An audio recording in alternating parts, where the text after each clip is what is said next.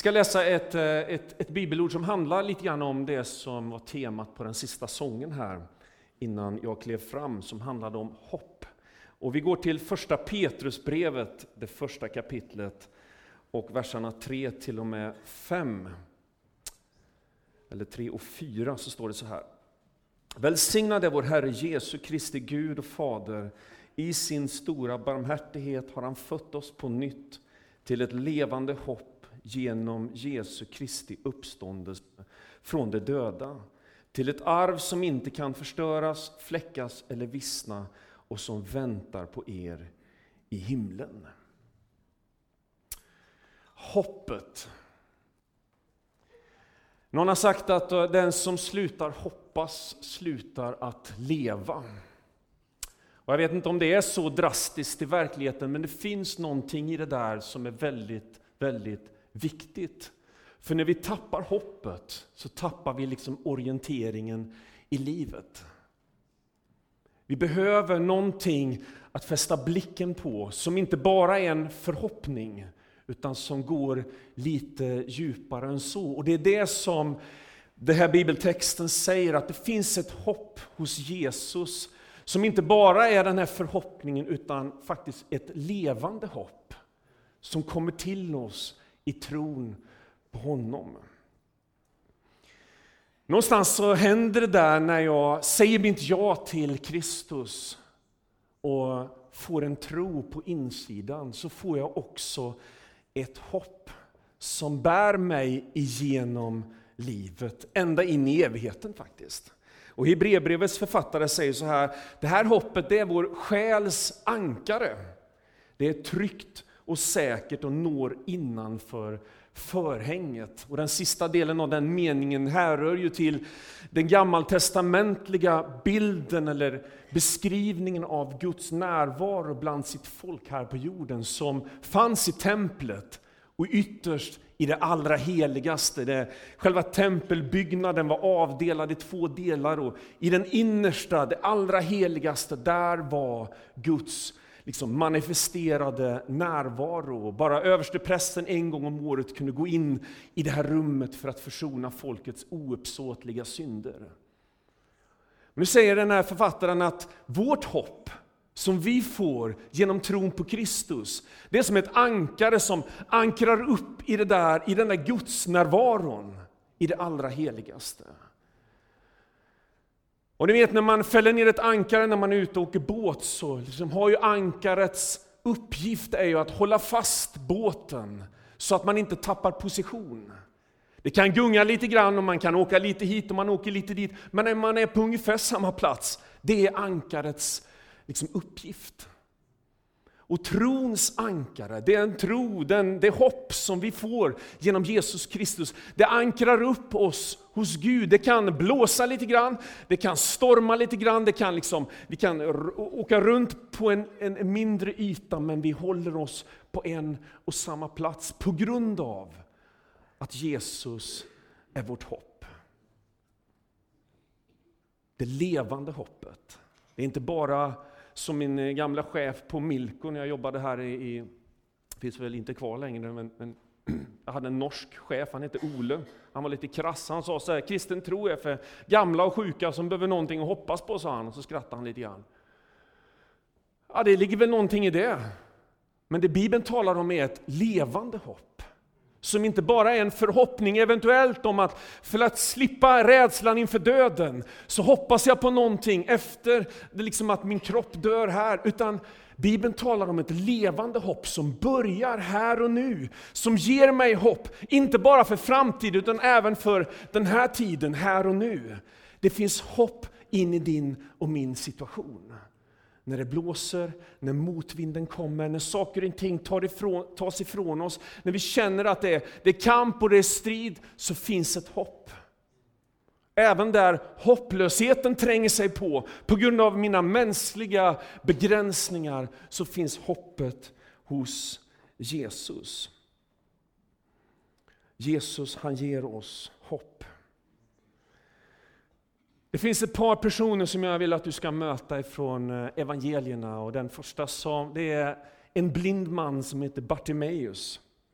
Han sitter utanför en av städerna och han blir buren dit ut, för han är blind och han liksom, och kan inte orientera sig själv. Och han sitter där vid vägkanten och han är beroende av allmosorna som folk ger. Och det var liksom den tidens socialförsäkringssystem. Det var så samhället fungerade, att man gav allmosor till de som inte klarade av att jobba själva. Det fanns inget annat sätt att försörja sig. Så han satt där, folk kände honom, folk visste vem han var. Men så fick han höra att Jesus gick förbi. Och det var liksom en hel skock med människor som följde i hans spår. Och när han hör att Jesus går förbi, så sitter inte Bartimeus där tyst och tänker, måtte han liksom se mig nu i min nöd. Utan Bartimeus, han trycker upp sin röst och han börjar ropa, Herre förbarma dig över mig! Och han fortsätter att ge luft åt det som finns i hans hjärta. Den nöd han känner, den, den börda han bär på i sitt liv. Och folk försöker tysta ner honom, de tycker att han är jobbig. De tycker att han tar för stor plats, de tycker att han stör ordningen. Men han fortsätter att ropa och Jesus hör hans rop. Och han säger till några andra människor, kalla på honom. Säg att han ska komma till mig. Och Jag tänker ibland så kanske du och jag är lite grann som de här som försöker tysta ner. Vi, vi, tycker att det är lite jobbigt när folk tar ut svängarna. Vi tycker att det är lite jobbigt när folk ropar lite för högt. Det blir så oroligt då. Men jag skulle önska att jag var mer en person som gick på Jesu uppdrag och berättade för den blinde mannen att Jesus, han kallar på dig. Han vill att du ska komma till honom. Det finns alldeles för många som vill tysta ner det där ropet och säga, men låt din tro vara för dig själv. Prata inte så mycket om vem Jesus är, utan vi ska hålla låg profil. Den kristna tron är en privatsak som vi håller för oss själva. Men Jesus han säger till sina lärjungar, kalla på honom. Och de får liksom gå med uppdraget till den blinde Bartimeus. Han kallar på dig, kom. Då gör Bartimeus någonting som kanske inte för oss i våra ögon eller öron låter så anmärkningsvärt, men som faktiskt är det.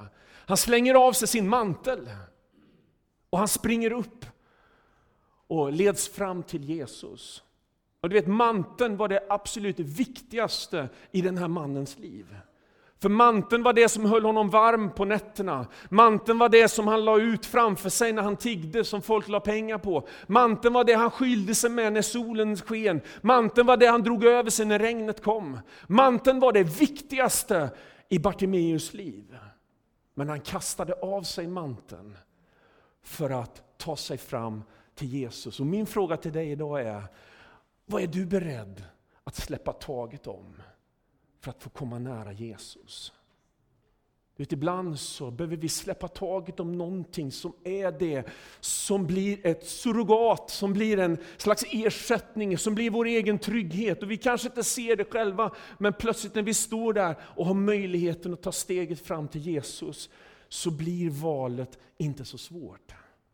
Släpp taget om det som är din trygghet och låt Gud och Jesu hopp få bli din själs ankare. Jesus han frågar också, vad vill du jag ska göra för dig? Det kan man ju tycka är en lite så obvious fråga. Killen var blind. Han kunde liksom inte, han var tvungen att leva på allmosorna. Det var väl uppenbart för alla vad den blinde Bartimeus ville att Jesus skulle göra, men ändå ställer Jesus frågan. Och ibland så blir min bön så det allmän. Välsigna mig Herre, hjälp mig Herre. Men jag tror att Jesus ibland ställer frågan till dig och mig och undrar, Bo-Göran, vad vill du att jag ska göra för dig? Vad är det du önskar? Vad är din bön? Och så fick han uttrycka, Herre, gör så att jag kan se igen. Och jag tänker att det är inte så många av oss som Ja, jag har ju lite problem med synen, men det är glasögonen hjälper mig. De flesta av oss har inte så stora problem med just synen. Jag tror att det finns en djupare mening i den här berättelsen. Att det finns ibland, och ganska ofta hos oss, en blindhet på insidan. Vi kan inte se det som hjälper oss att få det där perspektivet, utan vi hamnar i en väldigt, väldigt liten sfär precis där vi står. Och jag tror att många idag har den här bönen som den blinde Martimaeus har. Hjälp mig så att jag kan se igen. Herre, låt mig få se in i hoppet. Låt mig få se in i vad du har för mig. Låt mig få se ett större perspektiv. Förklara för mig Gud vad jag gör här. Vad som är meningen med mitt liv. Öppna mina ögon. Den bönen hade Paulus när han bad för församlingen i Efesos. Jag ber att vår Herre ska öppna era ögon så att ni kan se vilket hopp han har kallat er till. Hur rikt på härlighet och arv det är bland de heliga. Samma kraft som väckte Jesus från de döda är ju verksam i er. Herre, låt dem få se det för sin inre syn. Kanske är det en bön som du också bär på i ditt liv. Det fanns en annan kvinna. Hon hade lidit av blödningar i 12 år, berättar texten från Markus 5.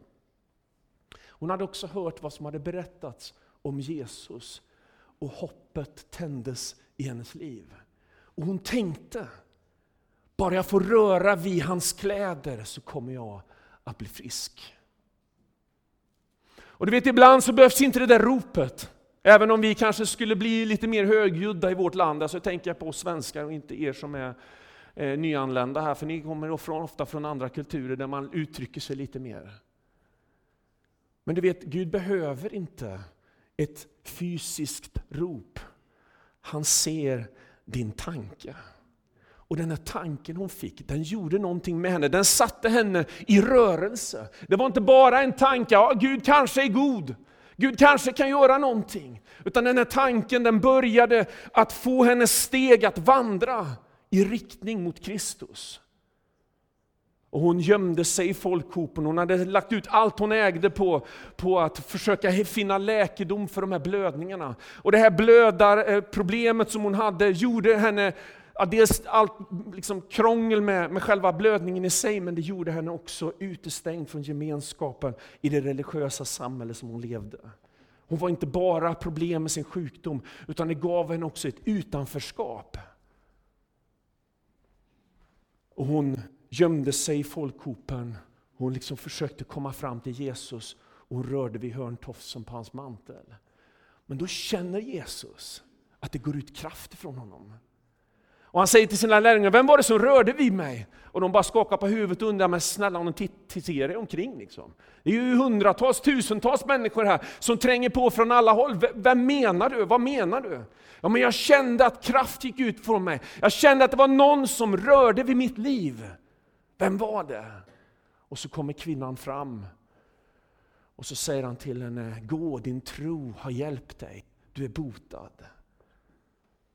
Den här tanken som hon fick genom det som hon hade hört, det hopp som väcktes i hennes liv, fick henne att ta steg fram till Kristus och röra vid hörntofsen på hans mantel. Jag tänker att det finns många idag som kanske likt den här kvinnan på olika sätt har börjat tappa lite grann hopp. Kanske vi alla har gjort det i någon mån. När vi tittar ut över oroligheterna, över vår värld, så känner vi, hur ska det bli egentligen? Och sen kan vi gå till oss själva och vi kanske har saker och ting i vår familj, eller i vårt eget liv, eller i vår egen kropp, som gör att vi börjar liksom tappa hoppet. Den där hopplösheten av att ha lagt ut liksom all kraft man har för att försöka finna den där friden och den där tron och den där vilan i sitt liv. Men då står Jesus där med utsträckt hand och han säger Kom till mig. Kom till mig du som behöver vila. Kom till mig du som behöver läkedom. Kom till mig du som behöver frid. Kom till mig du som behöver få se liksom ett större perspektiv för jag vill ge dig tro, hopp och vila i ditt liv. Och det är min hälsning till dig idag. Gör som den blinde Bartimeus. Ropa till Kristus. Gör som kvinnan, tänk den där tanken och låt den få sätta din, ditt liv i rörelse. Därför att Gud står där med en öppen famn och han vill röra vid ditt liv. Ska vi be tillsammans. Jesus, jag tackar dig Herre för att du älskar oss så mycket Herre, med så stor kärlek att du gav dig själv och ditt liv Herre på korset för vår skull. Och tack när du gjorde det så var det inte bara liksom en, en, en, en symbolisk handling utan en verklighet bröt fram Herre. Som betyder att när vi tror på dig så får vi del av din kärlek, och din kraft in i våra liv, Herre. Du ser oss alla, Herre. Du ser vad vi längtar efter, du ser vad vi behöver, Herre. Du ser vad vår omgivning längtar efter, Herre. Låt oss både få ta emot och få ge ut av det som du har. Tack för att du hör vår bön. I Jesu namn vi ber. Amen.